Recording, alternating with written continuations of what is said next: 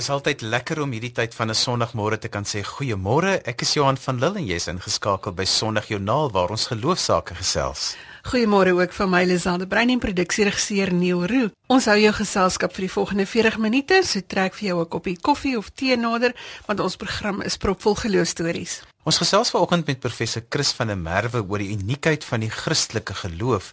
Professor Cas Vos gesels met ons oor poësie in die Bybel en Dr. Lindy Bosman, 'n sielkundige, vertel van haar navorsing in 'n gemeenskap waar fatale alkoholsindroom 'n groot rol speel. Ons het ook vir Dominee Chris Bester in die ateljee se bly ingeskakel want ons het 'n audio Bybel of twee om weg te gee as deel van ons doen iets vir iemand anders projek. Jy hoef natuurlik niks mis te loop nie want jy kan ook Sondag Jornaal se potgooi gaan luister op RSG se webwerf by rsg.co.za en jy kan ook al die programinligting daar kry sowel as op ons sosiale media bladsy.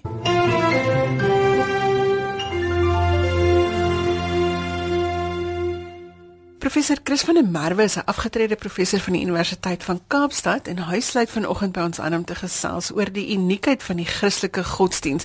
Ons gaan nou 'n paar ander godsdienste ook kyk, maar ons spring weg met die Christelike godsdiens. Goeiemôre professor. Goeiemôre Lisel. Ek gaan sommer dadelik met die deur in die huis val. Wat is uniek aan die Christelike godsdiens? Uh jy weet ek lees eers dat hulle vir C.S. Lewis gevra het by 'n konferensie of hy uiteindelik afgekom op 'n groep mense wat praat oor wat is nou anders uh in die Christelike godsdiens want dit was 'n konferensie oor verlykende godsdienste. Nou is soveel parallelle. En toe het Lewis gesê that's easy, it's grace. En ek dink Lewis is meestal was reg. Ehm um, want die meeste ander godsdienste en filosofiese stelsels gaan oor wat jy moet doen om behaaglik te wees. In die Christendom keer dit om en sê die deur is oop vir alle mense. En dit maak 'n groot groot verligting dink ek want jy hoef nie te dink wat gaan ek nou haal daarso by die hemelse eksamen, jy weet gaan ek 30% haal of gaan ek dan net net deurkom of kan ek miskien dit is nie ter sake nie. Dat Jesus eintlik die deur oopgemaak het vir sondaars en dat die sondaars welkom is. So die Christendom sê nie jy kan maar doen net wat jy wil nie, maar die volgorde is omgekeer. Jy kom as onverdienstelike sondaar en uit dankbaarheid doen jy wat goed is. Dis nie soos by die meeste ander dat jy doen wat goed is sodat jy aanvaar kan word nie. Dit dink ek is die eerste en die groot ding wat wat uniek is in die Christelike godsdiens. En dan is daar natuurlik die voorskrif van liefde wat alle mense insluit. Ja, ja. Jy weet, ehm um, aan die een kant is die die Christelike geloof se se genade is is ryker en groter as enigiets anders waarvan ek weet maar die voorskrif is moeiliker as enigiets anders waarvan ek weet. Want die wat Jesus gekom sê het vir die Jode wat gesê het jy moet jou naaste lief hê, dan sit hulle sommer by en jy moet jou vyand moet jy haat. Wat hy sê jy moet jou vyand lief hê. Hierdie mense wat aaklig teenoor jou is en dat jy ehm um, die tollenaars wat jy verag en die prostituie wat jy dink ek is dan ten minste beter as hulle dat jy hulle almal moet lief hê en vir hulle moet bid. En en daarmee sluit aan 'n vergifnis wat wat alles insluitend is.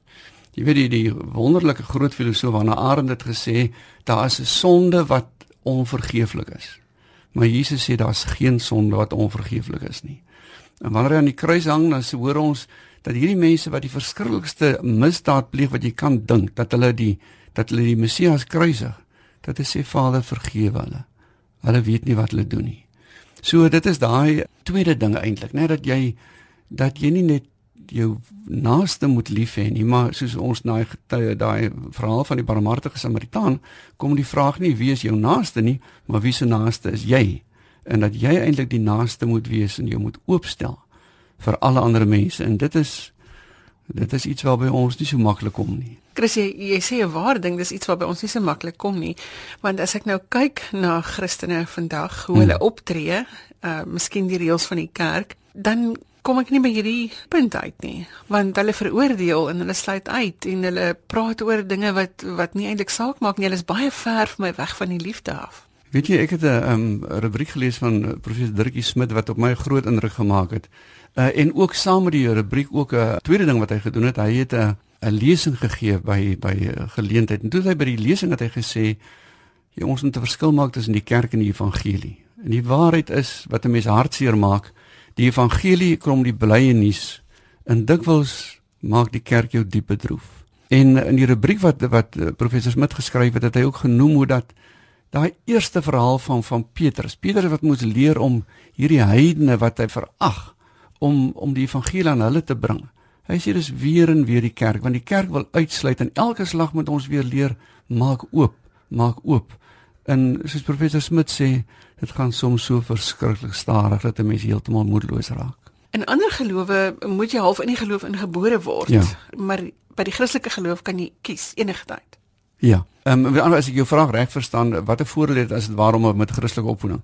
Ek dink uh, dit het 'n in sekere opsig 'n groot voordeel dat jy jy ken die terme, jy weet waarom dit gaan. Maar dit ook 'n nadeel want jy kan so maklik met daai uh, oppervlakkige vernissie tevrede wees.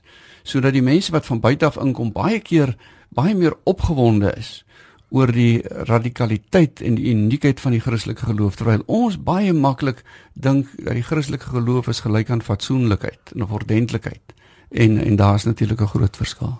Jesus staan natuurlik sentraal Ja. in die Christelike geloof. Ja. Ja, dit is nog 'n opsig waarin die uh, Christelike geloof anders is as die ander godsdienste, né? Dit dit gaan nie so in die Christelike geloof nie so seer oor net oor wat jy moet doen nie, maar dit gaan daarom om wie Jesus was. Met ander woorde gaan nie net om wie wat Jesus gesê het nie, maar wie hy was. En vir die eerste Christene was die groot radikale ding dat hulle geglo het in die opstanding. Jy weet ons rasionalistiese moderne mense vind dit moeilik om te glo. Dit mense is moeilik as jy soms in die detail dink. Maar ek dink as jy met 'n oop gemoed kyk na die na die die evangelies lees dan sien jy daai disippels in elk geval oortuig iets wonderbaarliks het gebeur. En dit was vir hulle die dryfkrag en die bewys eintlik dat hierdie Jesus wat hulle leer ken het as mens, dat hy werklik ook die Messias was. En en vir my bring Jesus 'n bietjie die twee dinge waaroor ons gesels het, die geregtigheid en die genade bymekaar uit. Dat dat die persoon van Jesus die die offer gebring het wat ons nie in staat is om te bring nie. Dat hy die genade vir ons verdien het. Maar wanneer hy sterf sê die een evangelie dat hy toe die voorhangsel oopgegaan en ons het toegang gekry tot God en tot die gees van God. Met ander woorde, ons word gehelp, ons word gelei in die volle waarheid deur daardie deur die gees van God waartoe Jesus vir ons die toegang gegee het. Jy weet hy het sowel die die genade van ons gebring uh en hy het vir ons in die geregtigheid ons voldoen. Hy het gedoen wat ons nie kon doen nie. Maar sodat ons sy volgelinge kan word. Professor, nou die laaste vraag is nou, hoe moet ons nou met ander gelowe saamleef as ons nou in die Christelike geloof glo? Ja. Hoe moet ons verdraagsaam wees teenoor ander mense? Ehm um, ek dink ons moet dalk 'n keer behoorlik hieroor gesels want dit is 'n dit is 'n groot onderwerp want dit is so maklik om te dink ek glo mos nou reg, so dan moet al die ander verkeerd wees en ons moet hulle veroordeel en dit sommer nie links nie of ons verdoem hulle almal na die hel toe en ek dink nie dit is heeltemal die Christelike boodskap nie. Ek dink volgende Sondag is dan 'n ideale geleentheid om hieroor verder te gesels hoe om verdraagsaam te wees teenoor mense wat nie dieselfde dink en glo as jy nie. Professor van der Merwe, baie dankie dat jy vanoggend hier by ons in die ateljee gekuier het. Dit was 'n groot plesier. Ons het gesels met Dr. Chris van der Merwe. As jy sopas ingeskakel het, sê ons goeiemôre. Die program is Sondag Joernaal saam met Johan en Lisel.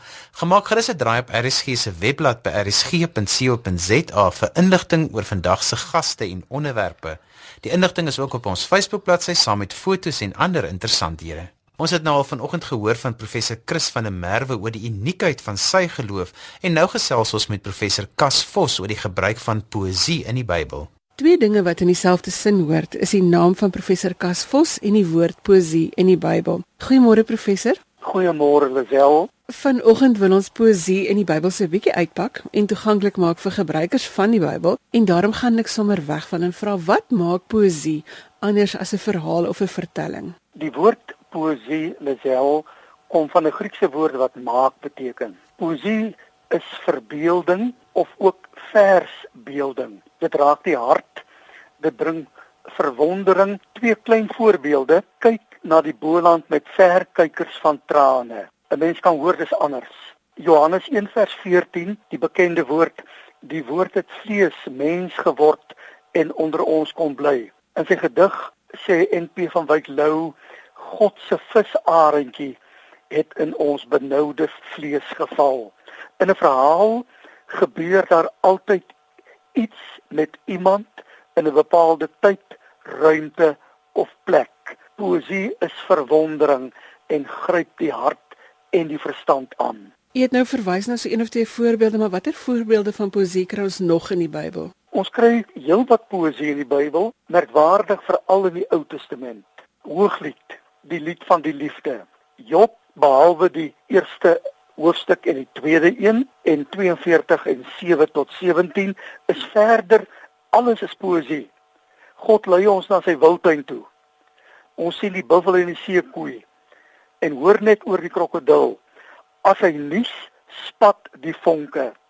Sy asem steek vure aan. Daar skiet vlamme uit sy bek. In die Ou Testament is natuurlik die groot groot digbundel die Psalms. In die Nuwe Testament is daar Romeine 8 vers 33 tot 39. Wat kan ons skei van die liefde van Christus van God? Niks in hemel of aarde nie. En dan Lisel, almal weet dit, die hooglied van die liefde 1 Korinte 13. Die grootste is die liefde. Professor, verduidelik vir ons 'n bietjie die samestelling van die psalms en hoe hulle ontstaan het. Dis nogal heel merkwaardig. Dit is 'n wonderlike komposisie. Psalm 1 en 2 is die inleiding en dan kry ons 5 bundels, 5 boeke. Psalm 3 tot 41, 42 tot 72, 73 tot 89, 90 tot 106 en dan 107 tot 150 En merkwaardig, elke einde van die bundel word afgesluit met 'n lofprysing. Prys die Here, maak hom groot. 'n Voorbeeld van 'n bundel, 'n klein bundeltjie wat saam hoort is Psalm 120 tot 134. Ook bekend as die Pelgrimspsalms. Die digter is in Mesek in Kedar dis 'n plek van vreemdelingskap, van vyandskap. Hy kry swaar en hy verlang na Egipte, na Sion. Hy's op pad na Sion en hy vra die Here se hulp en se bystand en dan kry ons daar die wonderlike woorde uit Psalm 121. Ek kyk op na die berge. Waar vandaan sal hy verby hulp kom? My hulp is van die Here, want hy slaap nie, hy sluimer nie. Hy waak altyd tot ek by Sion kom waar hy my seën. Die ontstaan van die psalms, dis merkwaardig. Dit het 'n baie lang mondelinge tradisie. Met ander woorde, dit is oor en oor vertel van geslag tot geslag. Van ongeveer die roemryke tyd van Dawid en Salomo, dis hier 1020 tot 926 voor Christus tot in die Griekse periode in 250 en 150 voor Christus. Dis 'n baie lang tyd. Daar was digters en bewerkers en oorleweraars, geskoolde digters, levitiese sange en miskien ja, net miskien is daar ook 'n vrou wat 'n psalm geskryf het, Psalm 131. Dit gaan daar om die wonderlike woorde: Here, hou my soos 'n babatjie in u arms in u arms vind ek rus en kalmte en troos en dis net 'n ma wat dit kan sê. Professor het nou die psalms half in 5 dele opgedeel, maar is daar verskillende soorte psalms? Daar is ja. Dis dis 5 bundels en binne die 5 bundels kom verskillende soorte voor. Die eerste twee, die inleiding is wetspsalm waar dit gaan om die woord as 'n riglyn vir die pad van die gelowige. Dan is daar natuurlik die lofpsalms Psalm 103 136 loof die Here want sy naam is groot. Skepingspsalms die skepping die Here wat alles gemaak het. O heerlik hoe wonderlik is u naam op die ganse aarde. Dankpsalms Psalm 100 prys die Here. Loof hom. Wysheidspsalm waar dit gaan om wysheid om te doen wat reg is en natuurlik klaagpsalms Psalm 13 ek kan maar kla ek kan maar treur, ek kan maar huil. Maar is baie boeiend dat die klaagpsalms almal uitloop op lof. Daar is psalms oor redding. Daar's die wonderlike Psalm 42, die verlange na God, soos 'n wildsbok smag na water, so smag ek na die lewende God. En dan koningspsalms 93 tot 100. En dan die groot groot donker psalm, Psalm 88 die duister god u het my gelos. My bure het hulle rug op my gedraai. Ek het geen vriende nie. Ek is van god en mens verlate en tog bly ek u aanroep En dan is daar die wonderlike tweeling Psalm 111 112. 111 Die Here gee liefde, is regverdig. 112 Daarom moet ek soos hy optree, liefde gee, genadig wees, reg doen en so voort. Professor, 'n kort sinnetjie om jy af te sluit. Hoe moet ons as gelowiges met die psalms in ons lewens omgaan? Ons kan nie sonder die psalms klaarkom nie. In die psalms ontmoet ons God as die Skepper. Hy het ons in die donker moederskoot aan mekaar gewewe. Die skepping is syne. Ons sien elke dag sy vingerafdrukke hier in hierdie tyd dat die reendruppels kom, sien ons hoe blink hulle op die blare. sien ons die werk van God Hy is met ons op pad in siekte, kommer, twyfel, onreg, teëspoed, voorspoed, geluk, ongeluk en ook in die dood is hy by ons. Hy is ons herder. By hom is ons tuis. Psalms moedig ons aan om met alles wat asem het, die Here se lof te besing en te vertel en met verwondering elke dag te leef. Professor Vos baie dankie. Dit voel vir my asof ons hele gesprek ook 'n gedig was. Dankie dat jy vanoggend saam met ons gesels het. Dit was 'n groot voorreg dat ek dit met julle kon deel. Liewe luisteraar, baie baie dankie. Die taal is daarom so ryk en beskrywend en mooi. Ons het gesels met professor Cas Vos wat self 'n digter van formaat is. Ons gesels geloofsaake tot so kort voor die 8 uur nuus wanneer ons weer oorgee vir Jumaine vir sy kinderstorie. Maar eers gesels ons met Dr. Lindy Bosman oor fetale alkoholsindroom en die navorsing wat sy hieroor gedoen het.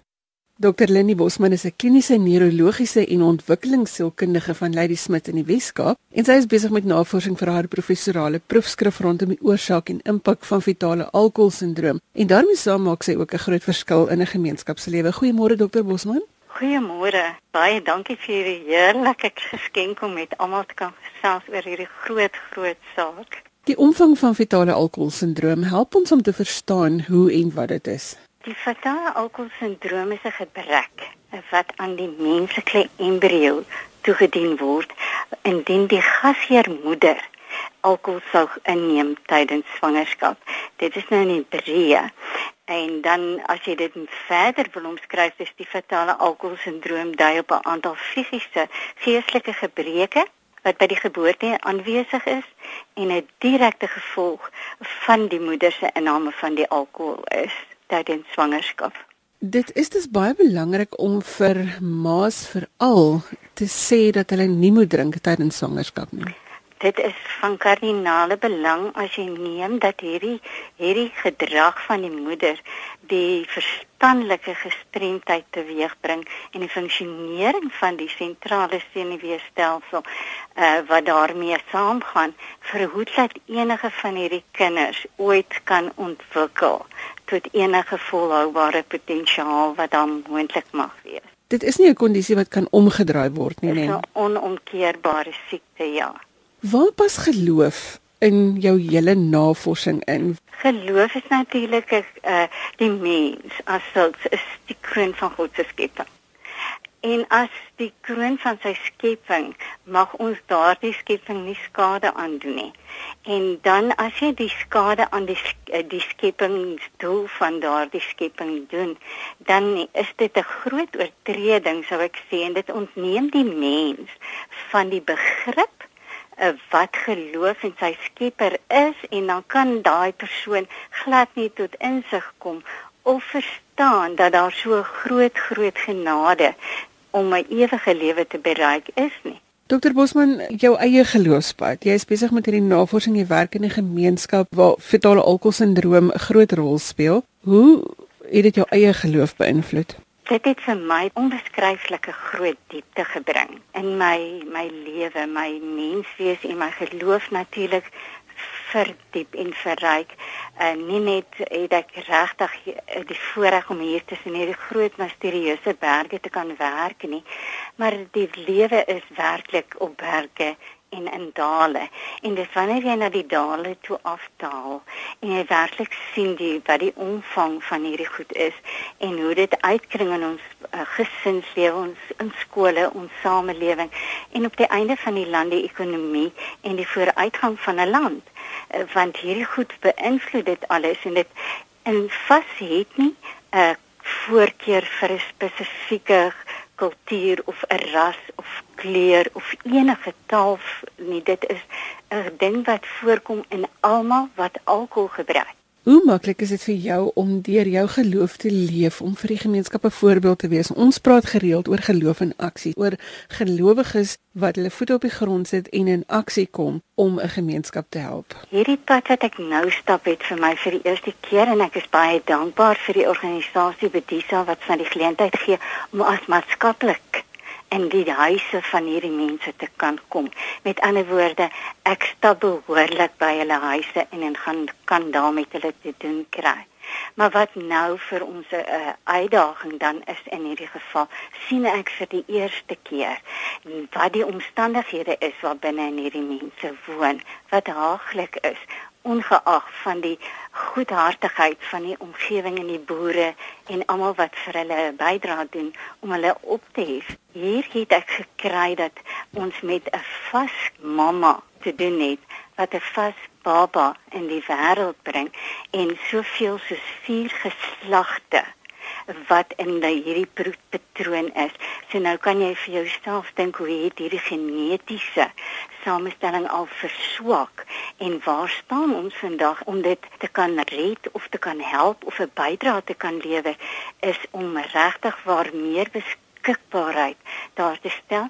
En ongelukkig is dit so dat die maatskaplike werkster eh, word nog as 'n baie ehm um, lae besoldigde beroep al is dit 'n professionele beroep geken en erken en uh, vergoed vir dit wat hulle doen en 'n ander gedeelte is in die platte lande waar ons nou werk tussen die boere en die wingerde behoorlik is daar nie fasiliteite nie. Die fasiliteite wat beskikbaar is is in die groot sentras en die groot sentras is regtig oorvol.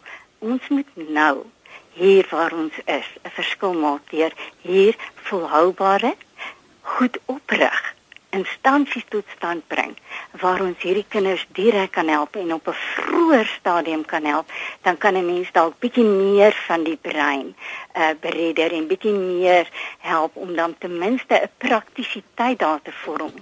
En jy weet dit het 'n geweldige invloed op die kind se se gedrags wel as sy wanaanpassing. Ons kry ongelooflike gedragsprobleme hier as gevolg van die wanaanpassing en dan die gebrekkige kennis en insig en sy skolastiese opleiding in hierdie gebied. Professor Bosman, ek dink 'n uitdaging aan gelowiges maak 'n verskil. Versprei die boodskap. Maak seker dat 'n swanger mamma die boodskap kry ja. dat sy nie mag alkohol gebruik nie. Baie dankie vir die saamgesels vanoggend. Baie baie dankie vir die geleentheid. Ons het gesels met kliniese sielkundige Dr. Lindy Bosman.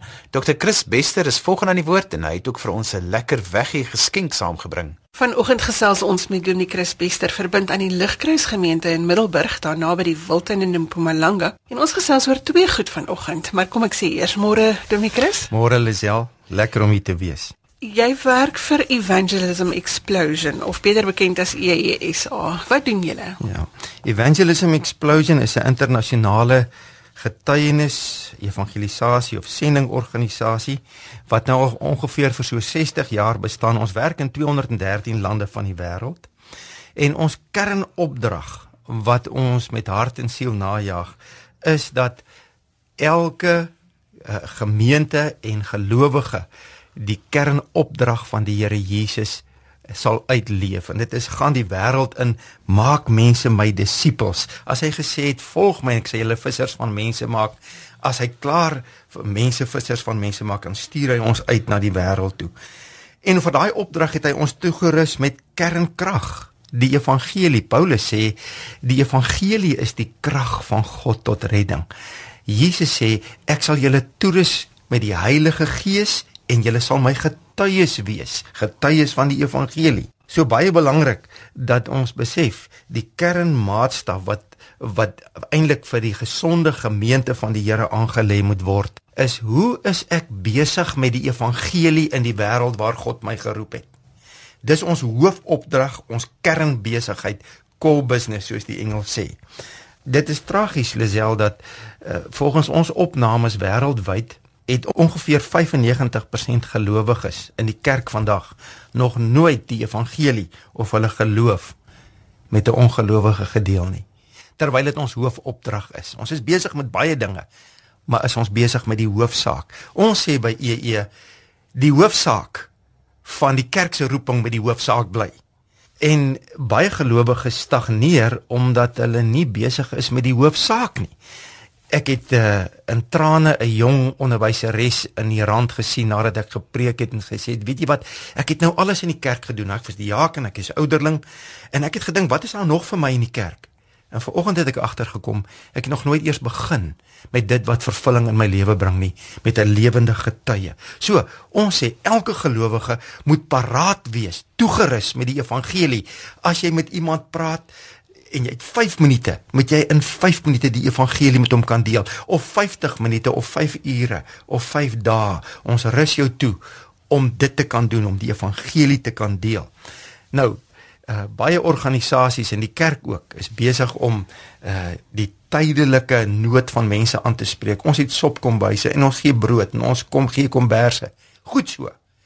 Maar van al die organisasies met die kerk van Jesus Christus om onderskei om te sê 'n mens leef nie van brood alleen nie maar die wêreld wat die wêreld eintlik nodig het is elke woord wat uit die mond van God uitkom. En Jesus is die lewende woord. Hy's die brood.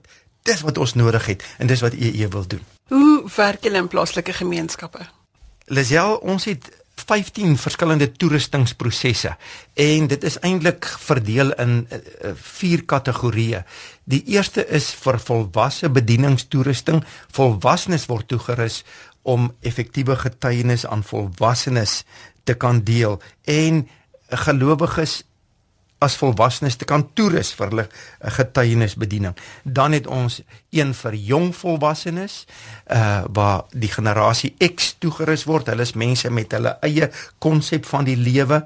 Wat maak lewe sin vir my? Ons pas die evangelie in hulle raamwerk van verstaan in. Dan ons tienerbediening rus tieners toe om tieners te gaan bereik vir Christus. Ons sê die beste manier hoe jy tieners bereik vir Christus is deur tieners. Hulle het hulle eie taal, hulle eie lewenswêreld. Vat die tieners in jou kerk of in jou geloofsgemeenskap, rus hulle toe. Hulle gaan hulle maats na die Here toe bring. En dan het ons die kinderbediening wat natuurlik vir my die hartklop is. Uh al hierdie kategorieë of hierdie 15 kursusse kan 'n gemeente by inprop. Pragtig uh ontwikkelde uh, prosesse En dit werk normaalweg so dat wanneer jy 'n leierswerkswinkel doen normaalweg oor 'n naweek in een van hierdie 15 toerustingsprosesse word jy geakkrediteer en kan jy toegang kry tot al ons materiaal. Ons wil dus net na die plaaslike gemeente toe gaan en sê ons wil jou arms kom optel. Ons is ook besig in al die landstale waarmee ons die toerusting vir jou kan gee. Ons moet ook gou praat oor Johannes Smit se bediening en hoekom jy eintlik hier by ons is vanoggend. Vertel ons van Johannes Smit. Ja, Johannes Smit ehm um, is 'n jong seun hy die 1 uh, Desember 15 jaar oud geword en ehm um, hy het so 5 6 jaar gelede het hy 'n ernstige motorongeluk gehad. Hy's omgery voor sy skool en hy is gestremd. Hy is uh Hy kan mooi hoor, maar hy's effens blind en hy's natuurlik fisies gestremd, maar hy het 'n hart vir die evangelie en vir die koninkryk. In die afgelope jare het hy elke jaar 'n projek aan wat Bybels insamel en uh die Bybels word dan gegee aan verdienstelike organisasies, skole en ek was die afgelope jare betrokke by die uitdeel van ontvang van hierdie Bybels en die uitdeel daarvan. En verlede jaar het hy hierdie pragtige uh projek van audio Bybels en hy het 'n hele klomp audiobybels omtrent 20 of 25000 rand se audiobybels gekoop wat ons dan kan uitdeel. Hierdie jaar het hy alreeds vir my weer 'n nuwe 21000 rand gegee om Bybels te koop en in ons werk uit te deel. En die goeie nuus is ons het in Desember luisteraars uitgedaag om 'n bietjie iets vir iemand te doen, om 'n verskil te maak in die lewe waar hulle is op voedselvlak. En jy dan ook goeie nuus vir ons vandag, want ons het van hierdie Bybels om weg te gee. Ja, ons het 6 uh, eh, van die audio Bybels, 2 Afrikaans, 2 Xhosa en 2 Zulu. En die Bybels het die volledige Bybel in daardie taal plus 40 lesse wat gepaard gaan met 'n pragtige volkleur 'n uh, 'n uh, 'n boek wat vir klein kindertjies uh, gespeel kan word en hulle kan bedien word met 40 uh, lesse uit die woord uh, uit hierdie audiobybel. So luisteraars, ons wil vanoggend vir jou sê hier is 'n geleentheid dat ons jou hande sal versterk om die boodskap uit te dra. Nee. Hmm. So luisteraars, ons wil vanoggend sê dat ons 'n geleentheid het om jou hande te versterk om daardie uitdaging aan te neem wat professor Erwin Schwella vir ons gegee het om iets te gaan doen om 'n verskil te maak om versoening te bewerkstellig en hierdie is die ideale geleentheid. Jy kan vir ons 'n briefie skryf. Sommige net 'n paragraafie, kort sinnetjie om ons te sê hoe jy een van hierdie Bybel sal kan gebruik of dit in iemand se hand kan sit waar dit 'n verskil kan maak. En ons gaan oor die volgende 6 weke elke week een van hierdie Bybels weggee. So, jy kan vir ons gaan skryf by www.rsg.co.za en dan klik jy op e-pos na die ateljee. Stuur vir ons daar 'n e-pos of jy kan vir my skryf by my e-pos lizel@wwmedia.co.za. Dis lizel met net twee w's wwmedia.co.za. En vertel vir ons hoe jy een van hierdie Bybels sal gebruik om 'n verskil te maak in iemand se lewe. Daar is twee Afrikaans, twee Xhosa en twee Zulu Bybels wat ons kan weggee. Chris, baie dankie dat jy vanoggend saam met ons gekuier het. Baie dankie dat jy vir ons 'n bietjie vertel het van jou werk en dankie ook vir Johannes vir hierdie groot werk wat hy doen vir die insamelings wat hy doen en ons gaan binnekort ook met hom gesels oor sy roeping. Dankie dat jy vanoggend saam met ons gekuier het. Baie dankie Lisel, dit was 'n voorreg. Dominee Chris Bester was in gesprek met Lazel. Die tyd vlieg so vinnig verby. Ons is al weer aan die einde van vanoggend se program. Ek groet tot later vandag wanneer ek weer agter die mikrofoon inskuif vir ons in die onderwys. Net hierna is Jermaine Hansen in die woord met 'n Bybelstorie en dan natuurlik die 8 uur nuus. Van my Johan van Dil tot later vandag. Totsiens. Jy kan vir my 'n e-pos stuur met kommentaar of as jy 'n geloofstorie met ons wil deel. My e-posadres is lazel@wwmedia.co.za. Of jy kan natuurlik ook ons 'n boodskap stuur deur die webwerf en daarvoor moet jy gaan by rsg.co.za en dan klik jy op die skakel wat sê e-pos na die ateljee. Onthou, ons het 5 van die audio Bybels om weg te gee twee Khoza, twee Zulu en een Afrikaans. Stuur ons jou e-pos om te laat hoor hoe jy die audiobybel goed kan gebruik of hoe jy iemand se hande daardeur kan versterk. Dalk kan jy een van daardie audiobybels wen. Ek groet ook namens ons produksieregisseur Neil Roo agter die kontroles. Tot volgende week. Gaan maak 'n verskil in iemand se lewe. Totsiens.